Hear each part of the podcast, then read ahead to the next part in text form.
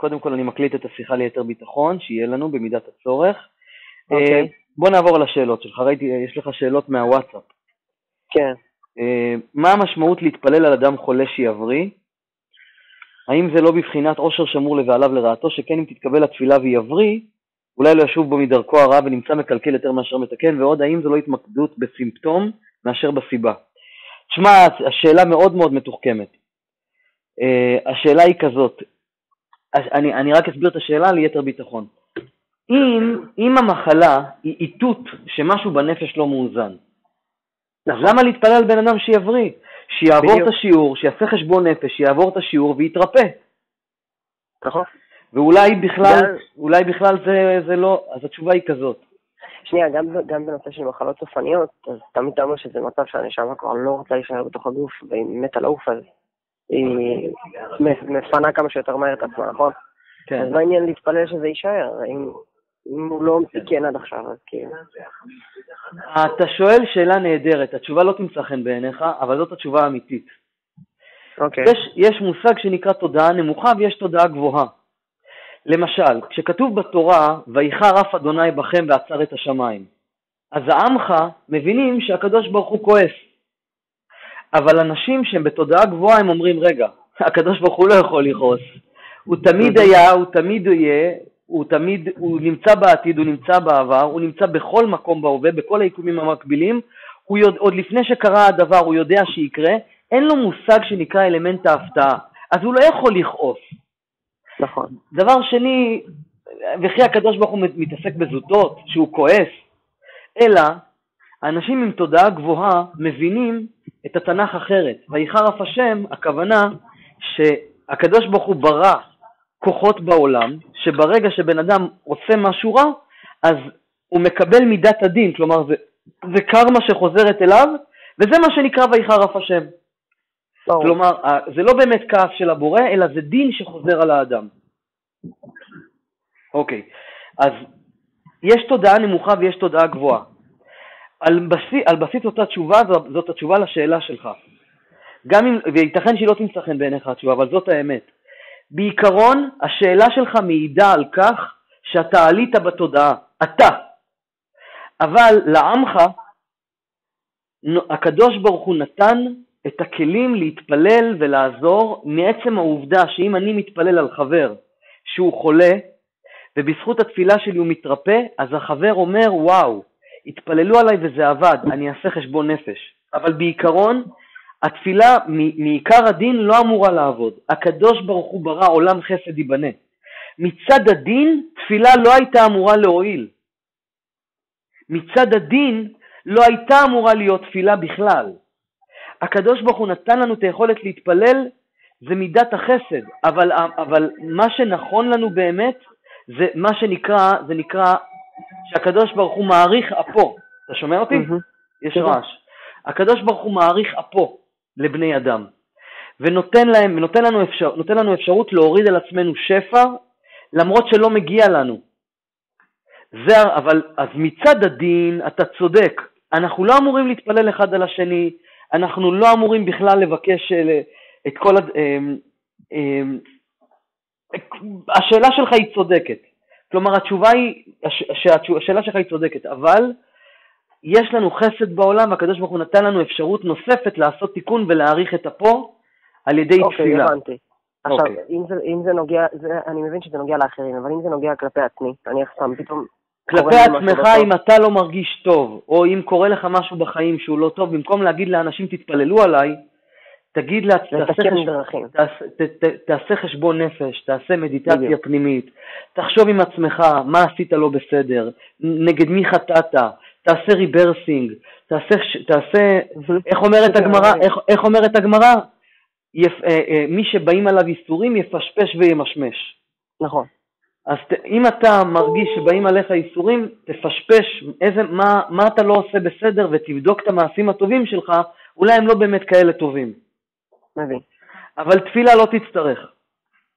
שנאמר, מבחינת הרעיון, אוקיי, סליחה, מבחינת הרעיון גם של, של תפילה, הרי קראתי כמה פעמים, כל מיני אנשים גם אמרו לי שיש עניין כאילו לפרט כמה שיותר את הבקשה שלך, ויש עניין לפרט... לא, זה לא קשור, כאילו לא, זה לא. קשור, לא, זה לא קשור. העניין של לפרט זה כדי שלא יהיה מצב של שגיאה בתפילה. למשל, יבוא בן אדם ויגיד, ריבונו של עולם, תביא לי כסף, תביא לי מיליון שקל! בא הבן אדם, ואז הוא הולך לעבוד כטלר בבנק. ואז, והוא לא מבין למה התפילה שלו לא התקבלה. הוא נפטר, עולה לשמיים, והקדוש ברוך הוא אומר לו, הקדוש, הוא אומר לקדוש ברוך הוא, ריבונו שלום, התפללתי אליך למיליון שקל, למה לא ענית לי לתפילה? אומר לו הקדוש ברוך הוא, אני עניתי לך, אבל אתה התקבלת לעבוד בתור בטלר בבנק, מיליון שקל עברו לך בידיים. את צריך לפרט את התפילה כדי שהיא, כדי שהיא תהיה מדויקת, כדי שהשפע ירד בצורה מדויקת ושהוא לא יהיה כוללני. זה לא קשור לשאלה הראשונה לא- שלך. זה לא, זה לא מבחינת להמליך את השם, כאילו. אין קשר בין המלכת השם לבין תפילה, אנחנו ממליכים את השם על ידי זה שאנחנו מתקנים את הלב שלנו, עושים תורה ומצוות. מקיימים תורה ומצוות. אוקיי, קיום תורה. ומצוות, הכוונה הופכים להיות אנשים טובים יותר, כן, כן, כן. כן. ועל ידי זה אנחנו ממליכים את השם עלינו ומורידים שכינה על גופנו. כן. סגור. יש לך עוד שאלות. בוא, רגע, בוא נעבור על השאלות כן. שלך. שנייה. יצא לי לשמוע אותך אומר כמה פעמים אין כלום חוץ מהבורא ואתה.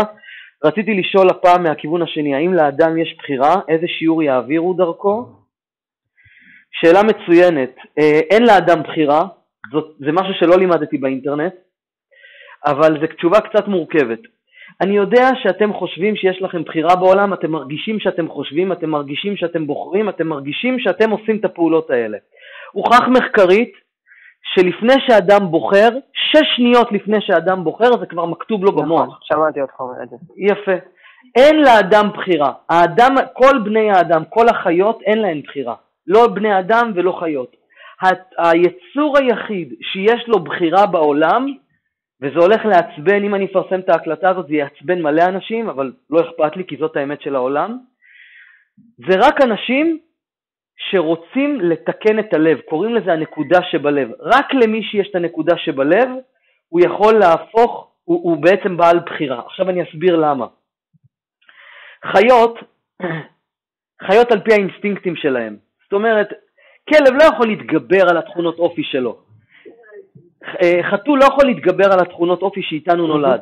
החיה היא חיה על פי אינסטינקטים. עכשיו, זה לא אומר שהחיה היא רעה. יש לה אינסטינקטים טובים, זה מתפרש כטוב לב. למשל, ראית, יש כלב, אני ראיתי היום סרטון של ברווז שמאכיל דגים. נכון, ראיתי את זה גם. אתה מכיר את הסרטון? ראית את זה היום? כן. במקרה? לא, לא היום, לא היום, אבל כן, ראיתי אז- לפני כמה ימים. ויש, ויש איזה, רואים איזה כלב שלוקח מים ונותן לדג, לדג כי הוא על היבשה והוא לא יכול לשתות. אז הוא, הכלב מבין והוא מרחם. זה אומר שלכלב יש בחירה? לא. זה אומר שהכלב נולד עם תכונות אופי שהבורא ברא אותו. בין אם זה מתפרש לנו כטוב ובין אם זה רע. אותו דבר בני אדם. בני אדם הם חיות. אין הבדל בין אדם לבין חיה. שניהם יש להם נפש ושניהם חיים על, על תודעת הישרדות. עכשיו העניין הוא כזה. מי שיש לו את הנקודה שבלב, כלומר, מה זה הנקודה שבלב? זה בן אדם שבא ואומר, אני רוצה להיות אדם טוב יותר, אני רוצה להתגבר על הטבע שלי ולתקן את הלב שלי ולהפוך להיות אדם יותר טוב, ואני מוכן לשבור את האופי שאיתו נולדתי ולהיות יותר טוב. זה, האד... זה האדם היחיד על פני כדור הארץ שיש לו בחירה.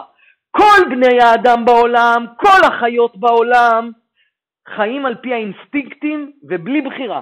זה שאתה חושב שאתה בוחר, זה לא, זה כבר חלק מהמהות שלך, והבחירה הזאת היא, היא, היא כתובה מה אתה תבחר, כי יש לך תדר מסוים. נכון. האדם, האדם היחיד שיכול לבחור אם ימינה או שמאלה, זה זה שעושה חשבון נפש, אם זה נכון לעשות או לא, כי אנשים חיים כמו עדר, פי, חיים בזרם. אנשים בוחרים כביכול על פי מה שנראה להם, על פי הנפש שלהם. זה כבר כתוב מה אתה תבחר. אבל אם אתה החלטת שאתה רוצה לתקן את עצמך, להיות אדם יותר טוב, ולא ללכת על פי הזרם הפנימי שלך, על פי התדר הפנימי, על פי ה... ואתה מוכן להתגבר על, ה... על, ה... על, על, על האופי שלך, זה אומר שיש לך בחירה. נכון, אני שאלתי, זה, זה קצת אחרת, לא בחירה באופן אקטיבי, זה יותר בחירה באופן של אם בן אדם נניח שעולה תדר, מתקן את עצמו, אז בעצם השיעורים שעוברים דרכו הם אחרים, או שזה, או שזה לא משנה? השיעורים שמשתקפים דרכו לאנשים אחרים, לצורך העניין. אמ, אה, הבנת מה אני מתכוון? לא, לא הבנתי. הרי אם אנחנו אומרים שאין כלום חוץ ממני ומהבורא, אז כל האנשים שמסביבי זה בעצם שיקופים שיצרתי כדי ש...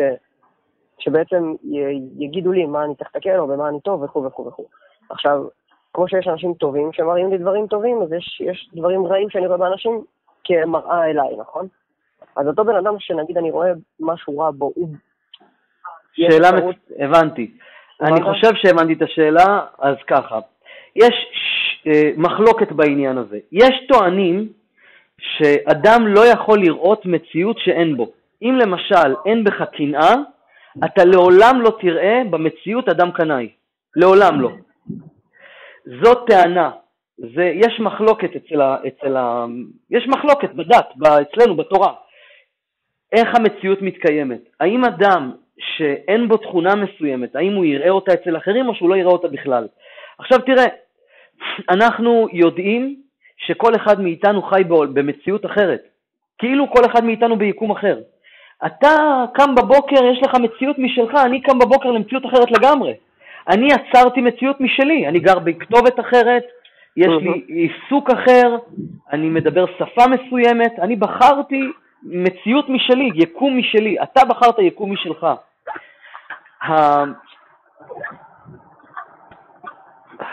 מה הייתה השאלה? שכחתי. אני- אומר כזה דבר, לפעמים אני... בוא נגיד ככה, אם אני מכעיס אה. מישהו, בסדר? כן, כן, אה, כן. כאילו עבר- העברתי שיעור של כעס אליו, נכון? כאילו, לצורך העניין? בעיקרון, אם אתה היית נקי ולא עשית, וזה באמת היה בתום לב מוחלט, ואתה גרמת לו לכעוס, זה אומר שאתה הצפת לו משהו, והוא צריך עכשיו לעבור שיעור. זהו, אם, אם הוא עובר, שנייה. שנייה, אם, אם הוא מקבל את השיעור ועובד עליו, זה אומר שאתה שליח אור לעזור לו, ולה, ואתה כאילו מפיץ אור, אתה, הוא מבין שעכשיו אתה הצפת לו כעס, הוא מבין שיש בו משהו לא, לא מאוזן, והוא, מתקן. והוא, והוא מתקן ועושה עבודה פנימית וזה בזכותך, זה נקרא מצווה גוררת מצווה, שהקדוש ברוך הוא הזרים אליך מצווה בלי שהתאמצת. אם אתה רואה בן אדם כועס ומתעצבן ו- ומתלכלך וזה, זה, ואתה רואה את זה, זה תלוי. זה אומר שמשהו בי לא... זה תלוי. אם, זה תלוי. אם אתה מקבל את הכעס שלו ואתה רואה את זה ואתה אומר, השם ישמור, מה עובר על הבן אדם, ואתה, וכאילו אתה רוצה להתרחק ממנו, זה אומר שבך יש את זה. אם אתה אומר, מסכן, אני אתפלל עליו, הוא, הוא לא מאוזן, אני רוצה לעזור לו, ואתה מכ- מכיל את הכאב שלו ואתה חומל עליו, זה לא אומר שיש בך את זה, זה אומר שאתה פה כתפקיד כדי לעזור לאדם אחר, לעזור לו להתפתח. בצורה, בצ- בצורה כזו או אחרת. אז אם אתה, אם אתה רואה תכונה שלילית אצל אדם ואתה חומל עליו, זה לא אומר שיש בך את התכונה הזאת. אם אתה פשוט חי ואתה אומר, טוב, יש אנשים כעסנים בעולם, אז זה אומר שיש בך את התכונה הזאת ואתה עדיין לא תיקנת אותה. אוקיי. אוקיי, בוא נמשיך עם השאלות שלך. רציתי לשאול הפעם מהכיוון השני, האם לאדם יש בחירה איזה שהוא יעביר דרכו, או שזה גם סוג של מציאות? זאת אומרת, אם אני... אתה רוצה לקרוא את השאלות ולה... ולהקריא לי? כאילו, יהיה לך... כן, אני אשמח. אני אשמח. אז תיכנס להתכתבות שלנו. כן, כן, אני מול זה. אה, אז הנה, שלחתי לך. אז אוקיי, תמשיך. יצא לי לשמוע אותך אומר כמה פעמים אין כלום חוץ מהבורא ואתה רציתי לשאול האם הפעם מהכיוון השני, האם לאדם יש בחירה איזה שיעור יעבירו דרכו, או שגם זה סוג של מוכרח המציאות? זאת אומרת, אם אדם מסוים צריך לתקן נניח כעס, אני הטריגר שלו לכעס, אז האם הדבר תלוי בי? זאת אומרת, האם זה שהשיעור עבר דרכי, זה אומר שגם אני פגום בזה, או שלא? ב', האם זה משנה איך זה עבר דרכי? זאת אומרת, בצורה פסיבית, שהוא כעס עליי עם סיבה כלשהי שלא הייתי מודע אליה, או בצורה אקטיבית שאני כעסתי עליו? והאם שייך בזה המשפט מגלגלים זכות על ידי זכאי וחובה על ידי חייו? אתה יכול... אני לא... אחי, אני לא... אני לא מבין כלום. אתה יכול להסביר את השאלה בלשון עברית? כאילו, בלי להקריא? כן, אני אסביר. אמ, אם אני בעצם העברתי את בן אדם טריגר לכעס, סתם אני נותן- נותן דוגמה, בסדר? אז אה, אני גרמתי לו לכעוס. עכשיו, האם זה משנה? אה, קודם כל, האם זה שזה עבר דרכי זה אומר משהו עליי? שדווקא השיעור הזה עבר דרכי? הסברתי. הסברתי. נכון, כן. האם זה משנה אם זה בצורה פסיבית או אקטיבית, או שאין הבדל? אמ, זה לא משנה, אקטיבי או פסיבי זה לא משנה. אם אתה דרכך מישהו עובר שיעור של כעס, אמרתי לך, זה אומר אחת, כן. משתי, אחת משני עניינים, או שיש בך את זה, ואתה כרגע מקבל אזהרה ואיתות שמשהו אצלך לא בסדר, או שאין בך את זה ואתה צריך לעזור לו, אתה חלק מלהעיר לו, באלף, שהוא זקוק לריפוי בתכונת הכעס. אוקיי, והנושא הזה של מגלגלים זכות על ידי זכאי וחובה על ידי חייב, האם הוא קשור איכשהו לדבר הזה? בול, זה נכון. במי, עכשיו, אמרתי לך את זה גם קודם. יכול להיות מצב, עכשיו תשמע, זה מורכב, וזה, וזאת הסיבה למה, למה אנחנו צריכים להיות מתקשרים כאן על פני כדור הארץ. יכול להיות מצב שאתה מכעיס את דני, הכעסת את דני. יכול להיות שאתה הכעסת את דני כי בגלגול הקודם הוא הכעיס אותך ועכשיו אתם צריכים לעבור פיצוץ, וזה התיקון אוקיי. שלכם, אתם צריכים לעשות שלום. זאת אומרת שאתם כרגע בתהליך תיקון. יכול להיות משהו אחר, יכול להיות שאתה עובר עבירות בתכונת הכעס ואתה גורם למישהו אחר לכעוס כי, כי אתה מגדיל את העבירות שלך כי אתה לא בכיוון בכלל, כי אתה מידרדר כמו כדור שלג שאתה כמו כדור... וואו אחי, שים את עצמך על השטק, אתה חייב לשים את עצמך על השטק. אוקיי, סליחה. יכול להיות מצב שאתה גורם, אתה כועס ומישהו אחר כועס, אתה מכעיס מישהו, אבל זה לא בגלל שאתה אה, עובר תיקון, אלא יכול להיות שפשוט אתה לא בכיוון, כמו הרבה אנשים פה על פני כדור הארץ, בכלל, שהם בכלל לא בכיוון, והם רק מידרדרים בבחינת כדור שלג, שעושים עבירה, ואז התדר, זה כמו מחשבה יוצרת מציאות. אתה חושב על כעס, אתה חי בתכונה של כעס, אתה לא מתקן את הלב, ואז היקום מזמן לך עוד דברים שתכ... שבגללם תכעס עוד פעם, ועוד פעם, ועוד פעם תכעס, ועוד פעם, וזה, וזה מה שנקרא מגלגלים זכות על ידי זכאי וחוב על ידי חייב, שמצווה גוררת מצווה ועבירה גוררת עבירה. הכל תלוי בנקודה שבלב. אם אתה באת לפה ואתה אומר, ריבונו של עולם, אני די, לא רוצה להתגלגל יותר.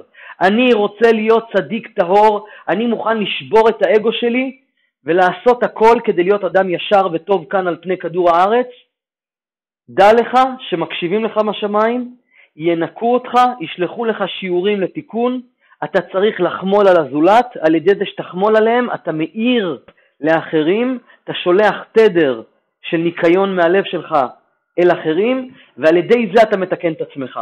אם אתה לא חומל ואתה רואה אנשים כועסים, זה אומר שיש בך את זה ומאותתים לך מן השמיים, מה לא תתעורר. אבל אם בכלל אתה לא רוחני, ואתה לא אכפת לך לתקן מישהו אחר, אתה בכלל לא חושב על להעיר וכאלה, סביר להניח שכעסת ואתה מכעיס אחרים וזה נקרא עבירה גוררת עבירה. הכל תלוי באיפה הלב שלך נמצא וזה משהו שרק אתה יכול לדעת. לכן מציאות שמתרחשת, אין, אם אתה לא מתקשר, אין לך שום אפשרות לדעת באיזה נקודה אתה נמצא. יכול להיות שאני אגרום לך לכעוס וזה נקרא להעיר לך, באלף, ויכול להיות שאני אגרום לך לכעוס וזה עבירה מבחינתי. זה הכל תלוי מאיפה הלב שלנו באמת נמצא, ואנחנו לא יכולים לדעת, אנחנו, אנחנו, יש לנו נטייה לדון את עצמנו לכף זכות שאנחנו נמצאים במקום הטהור ושאנחנו צדיקים.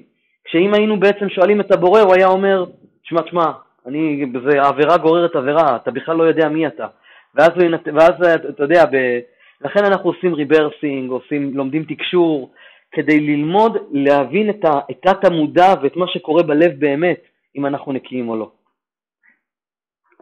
תוציא את עצמך מהשטק ותשאל עוד שאלות. אוקיי, אמ, אז תודה. אה, רציתי לשאול לגבי אמ, טוב, כשבן אדם רואה טוב אצל מישהו או משהו, אז מה הוא יכול ללמוד מזה, אם בכלל ניתן ללמוד מזה משהו? עוד פעם?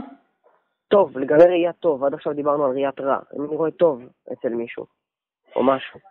אם אתה רואה טוב אצל מישהו, שוב, כמו הדבר, גם דיברנו על הטוב, אבל אני אחדד את זה. הטוב והרע הולכים בכפיפה אחת, ולא בהכרח אתה יכול להבין מה זה אומר. זה שאתה רואה בן אדם טוב ומפיץ אור, והוא בן אדם, ואתה רואה שיש לו הרבה זכויות, ומזכה את הרבים, ויש לו לב טוב, והוא עוזר לזולת, זה לא אומר שבך יש את זה. זה אומר שיש לך תשוקה להיות שם, זה אומר שיש בך השתוקקות להיות שם, ואתה, וזה חלק מהנפש שלך, או שיש בך את זה. בכל מקרה, זה, פות... זה מעיד על זה שאתה בכיוון החיובי והטוב, של להפיץ אור ושהנשמה שלך רוצה להתקרב לאור. אבל זה לא אומר שיש בך את זה, זה אומר או שיש בך את זה, או שאין בך והנשמה שלך מתקדמת לכיוון חיובי. ולכן אמרתי קודם, כשענינו על הרע, שזאת הסיבה למה חשוב להיות מתקשר על פני כדור הארץ ולעשות טיפולים לנפש, כי זה עוזר לנו לזקק את עצמנו ולטפל בנשמתנו כדי שנהיה אנשים יותר טובים. אוקיי, מעולה, תודה. אמ, לגבי אמ, סרטון אחר שלך, שכתבת שיטה לבדוק את ליבו של האדם וכולי וכולי, אז דיברת על כוסו, כיסו וכעסו, נכון? שזה כן. אחד מהדברים שמודדים. אז אמרת לגבי כעס, אמרת איזה משפט שלא כל כך הבנתי אותו, אמ, אמרת משהו כמו, אם הוא שומר את החוקים ולא מפר אותם כשהוא כועס.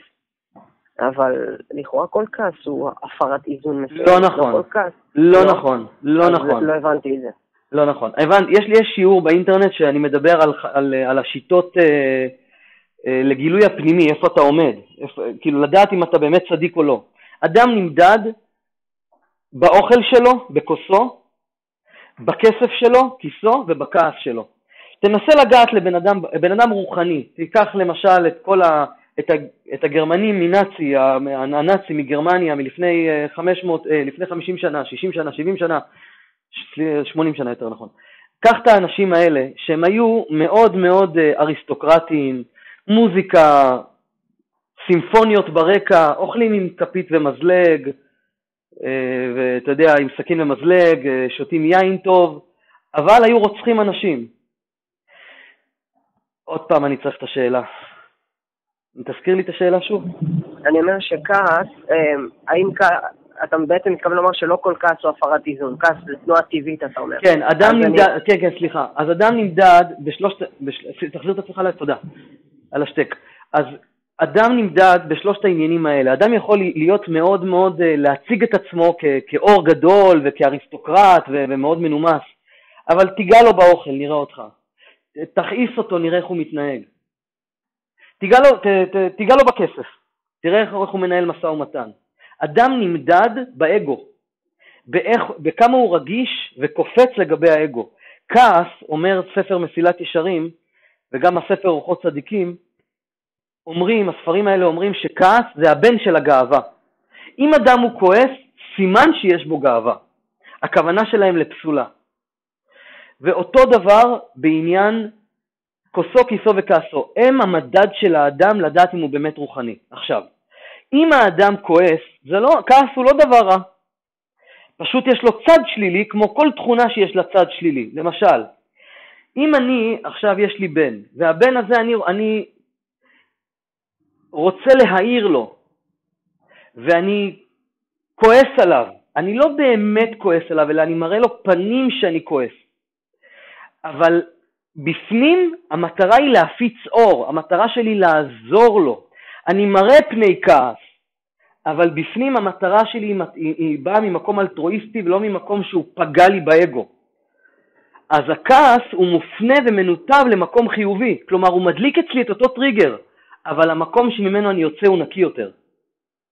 אדם נמדד בשלושת הדברים האלה, ואדם יכול לנתב אותם למקום של הפצת אור. זאת אומרת, אני אמנם כרגע מתוסכל, חווה חוויה של כעס, אבל אני, אני אתעל אותה למקום חיובי, כלומר אני אתנתק מהכעס ואני אבין שזה שיעור, אני ארגיע את עצמי, אני אבין שזה שיעור, ומתוך זה אני אפעל. כמובן שזו דרגה נמוכה, הדרגה היותר גבוהה היא להבין שכרגע אני בשיעור, אין כעס בכלל, זה נקרא בחינה שנקראת וידום אהרון. וידום אהרון אומר שהוא בכלל לא כעס, הוא עצר את עצמו כמו דומם, מלשון דומם, וידום, הוא עצר את עצמו, נשם פנימה ואמר, הכל משמיים, אין לי מה לכעוס, אין לי מה להתעצבן, אין לי מה להיות עצוב על זה שהבנים שלי נפטרו, ואני עכשיו עושה שיעור, ואני מבין שהכל זה אחדות אחת פשוטה. זה נקרא וידום אהרון, וככה אדם צריך לחיות. אבל תודה יותר נמוכה זה, זה לקחת את הכעס ולנתב אותה למקום אחר. לזה התכוונתי. אוקיי, בעצם, בעצם כאילו, עצם זה שעולה כעס זה לא משהו שלילי, אלא איך אני מתייחס אליו אחרי שהוא עולה. זה הרעיון.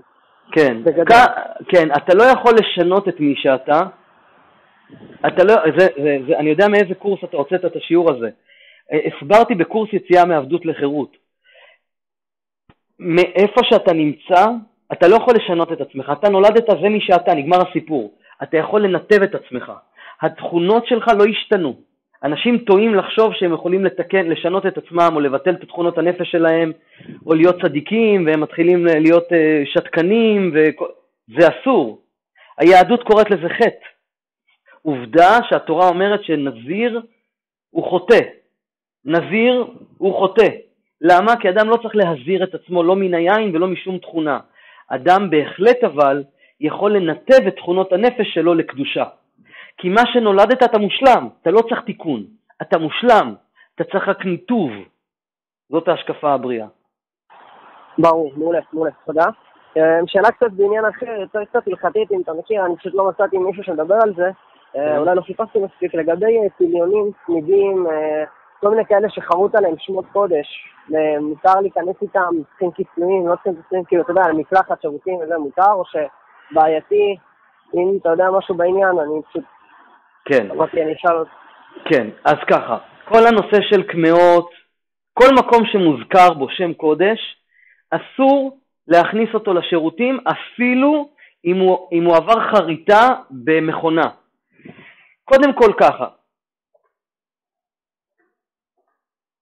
קמע שאין עליו שתי עטיפות, ודאי שאסור להכניס אותו לא לבית מרחץ ולא לבית כיסא.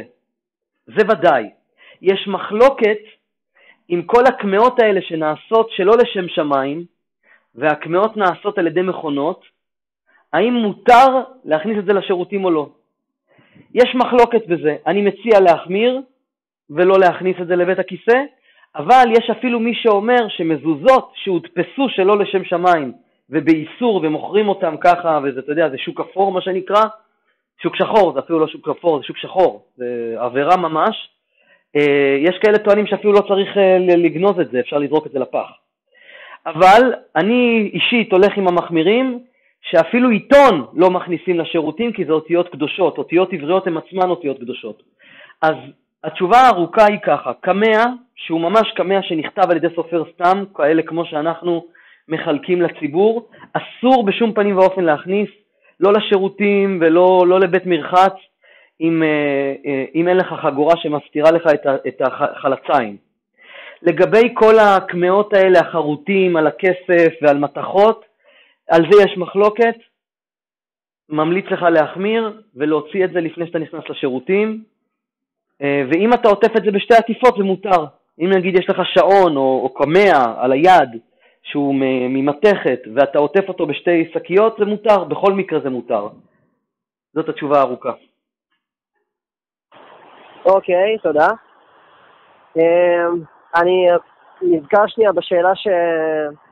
שאלה קצת בעניין אחר אחרי זה, בסדר? יש לך סרטון שעשית שקראת לו אוי לו מיוצרי, אוי לי מיוצרי? ממש הוא דקה וחצי כזה. איך קוראים לסרטון? אוי לי מיצרי, אוי לי מיוצרי. כן, כן, מה איתו? אז, אמ, אז רציתי לשאול, לגבי האם זה נכון בכלל, הרי אמרת משפט שם שבתת מודע אנחנו בקשר עם אנשים בגלל שאנחנו צריכים מהם משהו, נכון? כאילו, כן. בתת מודע שלנו אנחנו בקשר עם אנשים מסוימים כי אנחנו, יש לנו תועלת מהם. אז כן. השאלה שלי היא כאילו, האם בן אדם שהגיע לתובנה הזאת ובן אדם שמאמין לזה, האם זה נכון בכלל להתחיל אינטראקציה חברתית כלשהי? אה, צריך לעבוד על זה לפני, ובעיקר בעיקר על כל הנושא של, אה, אמרת שם כאילו, דיברת שם על דוגמה של בני זוג ואמרת, אתה באמת אוהב אותה, מה יקרה אם היא תהיה בתאונה, מה יקרה אם היא תקבל פגיעה מטורפת שתשאיר עליה כן. צלקת, אז כן. השאלה היא כאילו איך ה mind הנכון לבוא הבנתי, הבנתי. יש עניין של נשיאת חן, אז מה, איפה זה עומד בדיוק? הבנתי. אוקיי. אנחנו יצורים, אנחנו יצורים חברתיים. אין קשר שאין בו אגו. כל הקשרים יש בהם אגו, השאלה אם, אם האגו הזה הוא בריא או לא בריא. האגו שלנו שומר עלינו חיים. אדם שאין בו אגו, הוא לא יאכל, הוא לא ישתה, הוא ימות.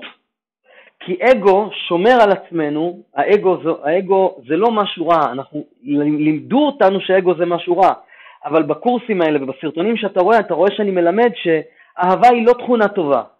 אהבה היא תכונה, אפשר לנתב אותה למקום חיובי, אפשר לנתב אותה למקום שלילי, אני יכול לאהוב, להרביץ לאנשים, אני יכול לאהוב, לעשות טוב לאנשים. שנאה היא לא תכונה שלילית, היא תכונה. אפשר לשנוא בני אדם סתם, ואפשר כמו הפסוק, כי משנאיך השם אשנא ובמתקוממיך אתקוטט, אומר הפסוק. כלומר מי ששונא את, ה, את הבורא, מה זה שונא את הבורא? כלומר מי ששונא להיות בן אדם טוב ונקי וישר, זה מצווה לשנוא את המעשים הרעים. ועל אותו משקל, אוי לי מיצ... הסרטון של אוי לי מיצרי, אוי לי מיוצרי. אנחנו קודם כל כולנו מקושרים באגו. יש לנו אינטרס אחד מהשני, אבל לא בהכרח רע. האינטרס יכול להיות בלעזור אחד לשני, וזאת כל המהות שלנו, לשבור את האגו שלנו ולהיות קיימים ממקום של נתינה ולא ממקום של קבלה, איך אני אקח ממנו, אלא מה אני יכול לתת לו ואיזו תמורה אני יכול לקבל בצורה ישרה. לכן השאלה הראשונה שנשאל באדם כשהוא נפטר מן העולם, אומרת הגמרא, השאלה הראשונה שנשאל באדם היא, האם נסעת ונתת באמונה? האינטראקציה שלך עם בני אדם, האם היא יצאה ממקום של אגו שלילי או אגו בריא וחיובי לתת ולקבל בצורה הוגנת? הייתה לי בדיוק שיחה, הייתה, הייתה, הייתה, הייתה, כן. אוקיי, אוקיי, סליחה, תמשיך. הייתה לי בדיוק שיחה עם, אה, עם איזו תלמידה שביקשה לעצור את התשלומים של הקורס. והייתה לנו שיחה ארוכה והסברתי, ובשורה התחתונה, בגלל שניהול המשא ומתן של המכללה היה באמונה, היא הבינה שהיא צריכה לשלם, היא, היא, אמרה שהיא תשלם, וככה מנהלים משא ומתן באמונה. היא יודעת שנאמר לה הכל ושהכל בא ביושרה, וכך גם אתה מקבל תמורה. אתה נותן ואתה מקבל בצורה שקופה. אמ, אחד הדברים שהיא אמרה בשיחה שלא מצא חן בעיניי, אבל לא נכנסתי איתה לוויכוח, זה שהיא טוענת שאנשי מכירות חייבים לשקר. זה לא נכון, אלא תפיסת העולם שלנו זה שכ... וזה משהו שהיא תצטרך לעשות עליו תיקון בנפש שלה, זה שהיא רואה את זה ככה, זה אומר שהיא עדיין לא עברה תיקון פנימי כדי, כדי להבין שניתן לנהל משא ומתן בצורה נקייה וטהורה. צריך, כשאנחנו באינטראקציה עם בני אדם, ובכלל באינטראקציה בעולם, בעולם שלנו כבני אדם פה על פני, פני כדור הארץ, תגיד את האמת ותקבל אמת. תהיה באינטראקציה חיובית עם אנשים ותקבל נכון. חיובי מאנשים, כן. נכון, מבין.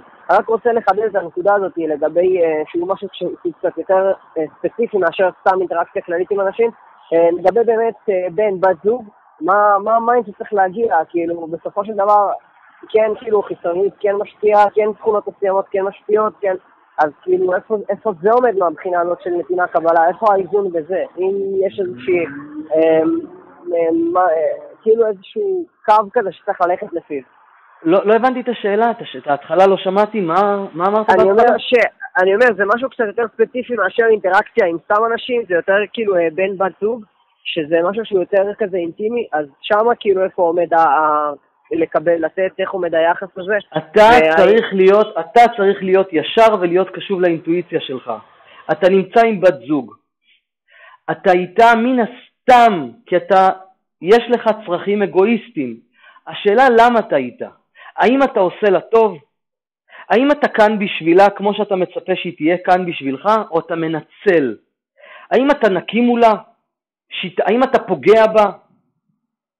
זה בסדר להיות באינטראקציה עם אנשים ולקבל מהם, זה לא פסול. היהדות שלנו היא כל הזמן מדברת על המספר שבע. שבע שבתות, שבת, ל"ג בעומר זה הרבה ספירה של שבע, שבע ספירות כפול שבע. למה? שש זה מסמל את החומר, את האגו, רק לקבל.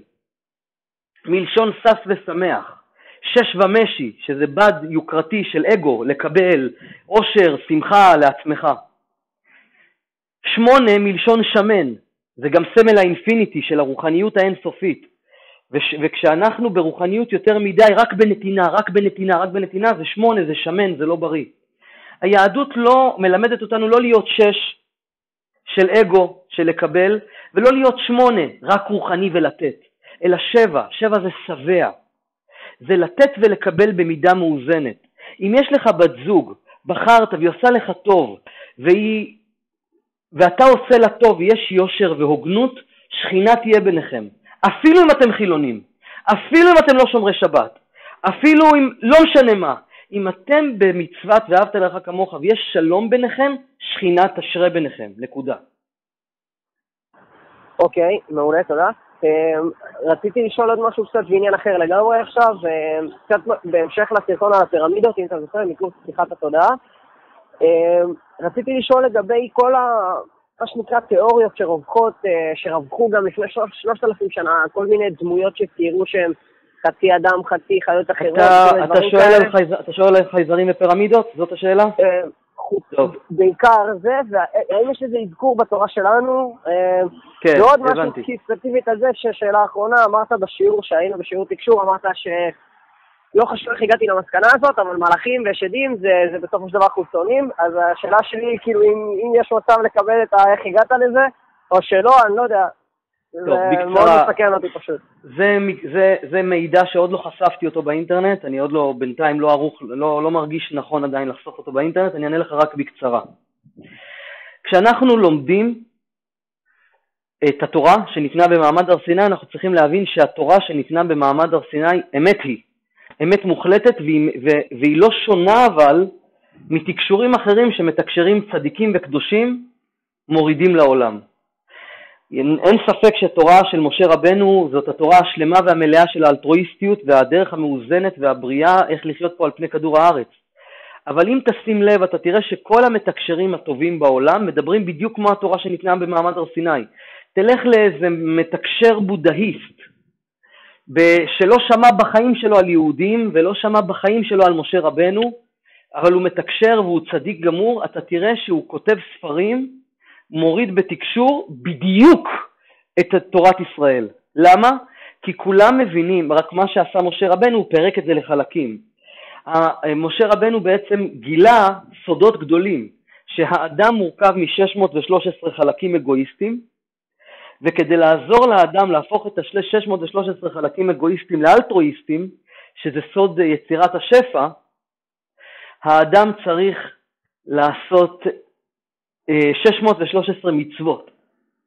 ולמשל, אם אדם רוצה שיהיה לו בית, שיהיה לו כסף ויהיה לו בית, אמר משה רבנו, תהפוך את התכונה הזאת של הרצון לקבל בית, לרצ... תהפוך את זה לתכונת ההשפעה. כלומר, תקיים מצוות הכנסת אורחים. אם תכבד אורחים ותיתן מכל הלב בשפע תפתח שולחן, יהיה לך בית גם עשרה בתים. זה מה שמשה רבנו לימד אותנו. שכנגד כל רצון לאגו, יש באדם 613 רצונות אגואיסטים. ואם אתה תהפוך אותם, תהפוך אותם לרצונות אלטרואיסטים ותיתן בדיוק את מה שאתה רוצה לקבל, היקום יחזיר לך. זאת התורה שניתנה במעמד הר סיני בגדול, וכל המתקשרים בעולם, בעולם מתקשרים בדיוק את אותו דבר, שמי שנותן מקבל, צריך להיות אנשים טובים, ושכולנו מקושרים, ושכולנו מחוברים. זה לא, זה כבר, זה, רואים את זה עכשיו. אנחנו אנשים רציונליים, אנחנו מבינים מה שאמר משה רבנו, בא המדע, הפיזיקה הקוונטית, ומראה לנו שמה שאמר משה רבנו במעמד הר סיני הוא צודק, שכולנו זה יחידה אחת, שהכל זה אחד, שהכל זה אנרגיה אחת, המדע אומר את זה, היום המדע אומר את זה. ואם אנחנו אנשים רציונליים ואנחנו רואים שהתורה היא אמת, שהתקשורים אמת, ואנחנו רואים את כל, ה, אה, אה, את כל העניין הזה, אז איפה המקום של החייזרים בעולם? איך זה שמשה רבנו ידע על, אה, על כל הדגים בעולם ואמר שכל דג שאין לו קשקשת וסנפיר אסור לאכול אותו? איך הוא ידע שאין דבר כזה דג בים שיש לו סנפירים ואין לו קשקשים, שאין דבר כזה דג בים שיש לו קשקשים ואין לו סנפירים? מה, וכי משה רבנו, אומרת הגמרא, נדמה לי בקידושין, וכי משה רבנו נכנס אל תוך מעמקי הים וראה את כל הדגים בים? ברור שלא. איך משה רבנו ידע שהחזיר זאת החיה היחידה בעולם שמפריסה פרסה, שוסעת שסע ולא מעלה גירה. וכי משה רבנו טייל בכל כדור הארץ ובדק את כל החיות בעולם, את כל הפרסות שלהם? ודאי שלא. אלא הוא קיבל את המסרים בתקשור. אז איך זה שמשה רבנו, שידע את כל היקום כולו, איך זה שהוא לא דיבר על חייזרים? תשובה, חייזרים הם השדים שעליהם התורה מדברת, שדים ומלאכים. יש שדים טובים ויש, סליחה, יש מלאכים טובים, יש שדים, שדים. מה זה הדברים האלה? אני לא הולך להיכנס לזה, אני לא הולך ללמד אותך את כל התורה כולה בעניין הזה, זה משהו שמידע שאני עדיין מסתיר מהציבור, אבל בגדול, הישויות האלה נוצרות מאיתנו על ידי המעשים שלנו, כלומר, זה בגדול, אני לא הולך ללמד הכל עכשיו, אבל בגדול, הכל נובע מבפנים. אם אתה אדם טוב ונקי ומתקן את נשמתך, אז כל העבירות שעשית, על פי ספר, יש ספר שנקרא ראשית חוכמה, ספר קבלה גדול, שמלמד מה קורה בעולמות עליונים, מה זה גן עדן, מה זה גיהנום, מה זה שדים, מה זה מלאכים. ספר ענק, בין כמעט אלף עמודים. הספר הזה מדבר על זה שכשאדם עושה עבירה, הוא יוצר שד. אם למשל, ככה הוא כותב בספר, אם למשל גבר פגם בברית, הוא יוצר שד שכולו נראה כמו, תסלח לי, סליחה מכבודך, נראה כמו שפיך. אם גבר פוגם בעיניים ומסתכל על בחורות, הוא יוצר שד שנראה כמו מלא עיניים. וכשאדם ייפטר מן העולם, אותם שדים יבואו, ירביצו לו, ייתנו לו מבוטים על הראש, ישרפו אותו, כך כתוב בספר ראשית חוכמה. אבל זה למי שלומד את ה... ב... בשפה הישנה. השפה שמתאימה לדור שלנו היא שמי שעושה עבירה, כלומר מעשה ממקום רע, ממקום אגואיסטי, והוא לא ישר, הוא יוצר שדים. השדים האלה זה בעיות נפשיות, זה מידה כנגד מידה. אם אתה גנבת למישהו, יגנבו ממך. הקדוש ברוך הוא לא כועס עליך, אתה פשוט תעבור שיעור בכסף. אם אתה נהנה מן העולם בלי, בלי אלטרואיסטיות, אתה תקבל תדר בחזרה מהיקום של אותו דבר, אתה יוצר שד. עכשיו, האם השד הזה לא היה קיים? לפי ספר ראשית חוכמה, השד הזה לא היה קיים ואתה יצרת אותו. אם אתה עושה, אומר ספר ראשית חוכמה, אם אדם עושה מצווה, הוא יוצר מלאך. השדים, כשאדם נפטר מן העולם, שדים ומלאכים באים איתו לבית דין של מעלה, השדים והמלאכים באים איתו לבית דין, ואלה מקטרגים עליו ואלה מסנגרים עליו. אלה שמקטרגים על האדם זה השדים שהוא יצר. אומר ספר ראשית חוכמה כך, כאשר אדם עושה עבירה, ואתה אה, אה, אה, מכיר את העניין הזה שבן אדם באמצע החיים פשוט מתחיל להיות, בן אדם עייף באמצע היום, סתם עייף, זה בגלל שהשדים שאדם עשה, העבירות שאדם עשה יצרו שדים. השדים באים לקדוש ברוך הוא, אומרים לו, אומר, אומרים לו כך כתוב בספר ראשית חוכמה, שהשדים הולכים לקדוש ברוך הוא ואומרים לו, ריבונו של עולם, אנחנו רעבים, תביא לנו אוכל. אומר להם הקדוש ברוך הוא, סליחה, מה, אני הבורא שלכם? לכו למי שברא אתכם. ואז הם הולכים אליו והם שותים לו את האנרגיה. ולכן בן אדם באמצע, באמצע היום סתם פתאום מרגיש עייף. כי, ואומר, יש גמרא במסכת אה, ברכות שמספרת על אה, שד שהיה בבית מדרש עם שבעה ראשים, ובאופן כללי בספרי הקבלה מוזכר שסביב האדם יש מיליונים, סביב כל אדם, יש מיליונים, מיליונים, מיליונים של שדים. סביב כל אדם. כתוב שיש יותר שדים מבני אדם, והם נמצאים פה סביבנו. כשאנחנו עושים מצווה אנחנו יוצרים מלאך, כשאנחנו עושים עבירה אנחנו יוצרים שד. והם מסנגרים ומקטרגים עלינו באחרית הימים לאחר פטירתנו. התורה לא הזכירה חייזרים. זה אומר שאין חייזרים? התורה דיברה על שדים ומלאכים. אנחנו יודעים היום, דרך, קודם כל אני ראיתי בעצמי חייזר, אני דיברתי עם חייזר, אני הוכחתי את זה, יש לי על זה הקלטות באינטרנט, יש לי תיעודים על זה. אמ, זה אני בעצמי ראיתי בעיניים שלי חייזר, זה נראה בדיוק כמו ביוטיוב. לא ייתכן שלמעלה מ-100 מיליון בני אדם בעולם ראו, ציינו שראו חייזרים, הייתה להם חוויה של מפגשים עם חייזרים ואין דבר כזה. כל, אנחנו יודעים שיש. ובטח ובטח שיש, כל המתקשרים בעולם אומרים שהם מתקשרים גם חלק, חלקם אומרים שהם מתקשרים דרך חייזרים וכולם מאשרים את זה. אבל מה?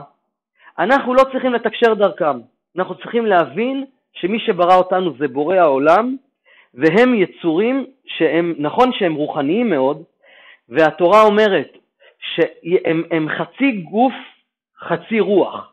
הם יכולים לעבור דרך קירות, הם יכולים, יכול להיות שהם לידי עכשיו, ו, והם, הם, הם, כתוב שהם גם מצחקקים ועושים שטויות, והם הם, הם, הם, הם עושים צרות לאדם, כל הדברים האלה שאתה רואה שזה חפצים זזים ב, בלילה וזה, זה שדים שיש להם ככה, משעמם להם מה שנקרא. זה לא מפחיד, כי השליטה היא בידיים שלנו. אני לא הולך ללמד אותך את כל רזי הקבלה עכשיו, ואיך עובדים עם שדים ומלאכים, אבל בעיקרון אנחנו שולטים בהם והם לא, לא הם שולטים בנו. למה? כי לנו יש בחירה ולהם לא. אנחנו מורכבים מגוף, ואין לנו הרבה, כאילו החלק הגשמי אצלנו מאוד מאוד חזק, אז יש לנו בחירה בין טוב לרע.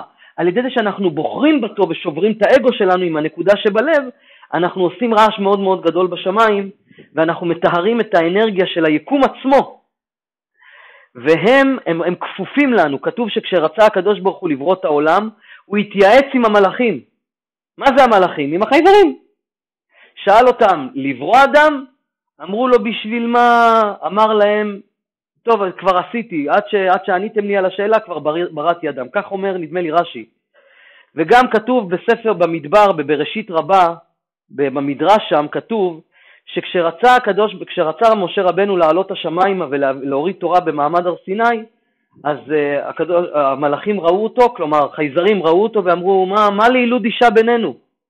אמר להם הקדוש ברוך הוא, אמר הקדוש ברוך הוא למשה, אחוז בכיסאי וענה להם תשובה. אחז משה רבנו בכיסאו של הקדוש ברוך הוא ואמר להם, וכי יש לכם אמא ואבא? שתוכלו לקיים כן, מצוות, שתוכלו נכון, לקיים... אני שמעתי, שמעתי את השיעור הזה שאתה אומר את זה בלופים ביוטיוב, אני מאוד אוהב את הנושא הזה. אני שואל רק על, על דברים מאוד ספציפיים, נגיד סתם, הרפטיליאן, סנונקים, כל התיאוריות שיש על אטלנטיס, העיר שהייתה, יש לזה רמז וסימוכים גם אצלנו בתורה, או שזה סתם מידע שמגיע ממקורות חיצוניים? התשובה היא שיש, יש מדרש שמספר על שלמה המלך, ש...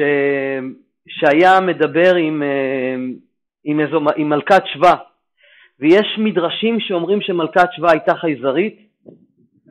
אה, יש, אה, יש, לנו, יש לנו סימוכין מהקבלה ששלמה המלך דיבר עם השמדי מלך השדים, שהוא היה אה, יכול להיעלם ולהופיע, בדיוק כמו שהם מספרים על חייזרים.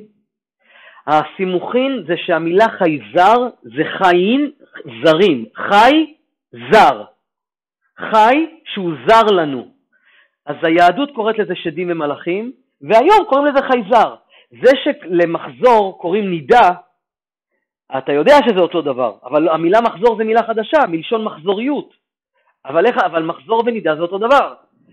חייזרים, שדים ומלאכים זה אותו דבר. יש מלאכים טובים, יש מלאכים לא טובים. אתה צריך להתחבר עם החייזרים הטובים, במידה ואתה בכלל רוצה להתקשר איתם. בעיקרון אנחנו מדברים רק על, רק על תקשור דרך בורא עולם, זה הכי בטוח. אז סימוכין יש בכמויות, רק אתה לא תמצא את המילה חייזר, אבל מה, ש, מה שכן אני יכול להגיד לך, שעל פי חוכמת הקבלה, בחוכמת הקבלה לא מוזכר בשום מקום שיש חיים מחוץ לכדור הארץ, אם זאת הייתה השאלה שלך. בשום מקום, לא, לא מצאתי שום מקום, לא בתורה, לא במדרשים, לא בגמרות, לא, ב, לא בספר הזוהר, בשום מקום שחקרתי וקראתי, ואנחנו, ולא, ולא למדתי מעט, לא מצאתי שום מקום בתורה שכתוב שיש חיים מחוץ לכדור הארץ. הפוך, כתוב שיש חיים רק בכדור הארץ. אה, מצד שני, כן כתוב שיש עולמות, עולם האצילות, עולם הבריאה, עולם היצירה, ואנחנו יודעים שמדובר על תודעות בנפש, אבל לך תדע, אולי יום יבוא ואנחנו נגלה שהתורה דיברה שיש, שזה עולמות שנמצאים מחוץ לכדור הארץ, וזה החייזרים וה, שהתורה דיברה עליהם, כלומר השדים והמלאכים. אבל בעיקרון רק שתדע, אנחנו שולטים בהם והם לא הם בנו, והם אכן קיימים. התורה אומרת שקוראים להם שדים ומלאכים, אנחנו צריכים בכל מקרה להגיע לתודעת אחדות גם איתם. אוקיי, ממש ממש תודה, אריאל. זהו? כי בינתיים, חכה, אני לומד אותך לאט לאט. אז אה, שיהיה בהצלחה בלימודים. תודה. אה, בסדר. יאללה, להתראות, יום טוב, תודה, תודה, אריאל, ממש יום מבורך, באהבה. איך לשפר לכם את החיים? פרנסה, זוגיות. אנחנו באנו לכאן בשביל להתאחד. יש כוח למחשבה. יש כוח לדיבור, יש שיטה. החיים שלכם מספיק יקרים כדי שתיתנו להם את ההזדמנות הזאת.